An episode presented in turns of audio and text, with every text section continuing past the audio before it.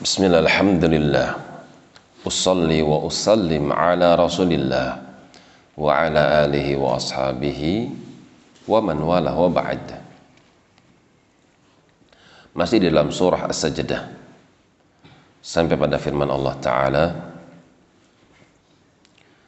وَلَنُذِيقَنَّهُمْ مِنَ الْعَذَابِ الْأَدْنَى دُونَ الْعَذَابِ الْأَكْبَرِ dan sungguh benar-benar kami akan timpakan kepada mereka itu berupa hukuman. Al-adna tapi sifatnya lebih ringan. Dunal adzabil akbar. Mengalahkan tentunya daripada azab hukuman yang berat yang lebih besar. Apakah hukuman yang adna tersebut Kata Ibnu Abbas radhiyallahu taala anhuma masaibud dunya wa asqamuha. Musibah-musibah dunia, penyakit-penyakit dunia. Kemudian hal-hal yang terluput daripada bagian dunia, ujian. Allah katakan al-azab al-adna. Itu adalah hukuman sesuatu yang pedih tapi adna ringan dunal adzabil akbar. Bukan azab yang berat. Sebagian mereka mengartikan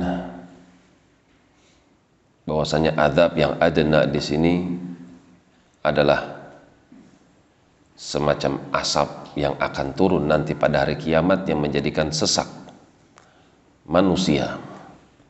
Demikian pula peperangan yang seorang dengannya menjadi seorang tawanan itu ketetapan daripada hukuman yang ringan. Dunal akbar. Dunal azabil akbar. Bukan daripada adab yang berat. Ada juga di antara mereka para ulama yang mengartikan kami betul-betul akan menimpakan adab yang ringan selain daripada adab yang berat maksudnya siksa kubur.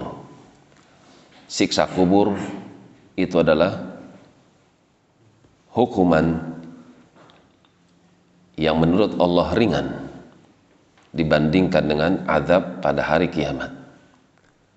Padahal azab kubur adalah azab yang mengerikan. Manakala seorang masuk kepada alam gaib, kemudian dia masuk kepada azab di mana para malaikat memukul kepalanya yang dia akan menjerit dengan sekuat-kuatnya yang jeritan tersebut tidak bisa didengar oleh jin demikian pula manusia. La'allahum yarji'un.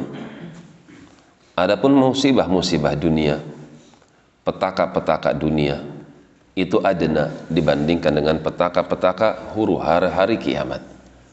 Adapun hikmah kenapa Allah timpakan hukuman di dunia di antara hikmahnya la'allahum yarji'un supaya mereka kembali.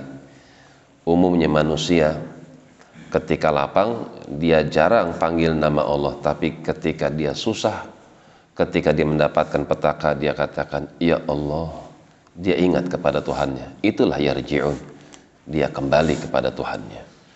Demikian wallahu a'la a'lam bis.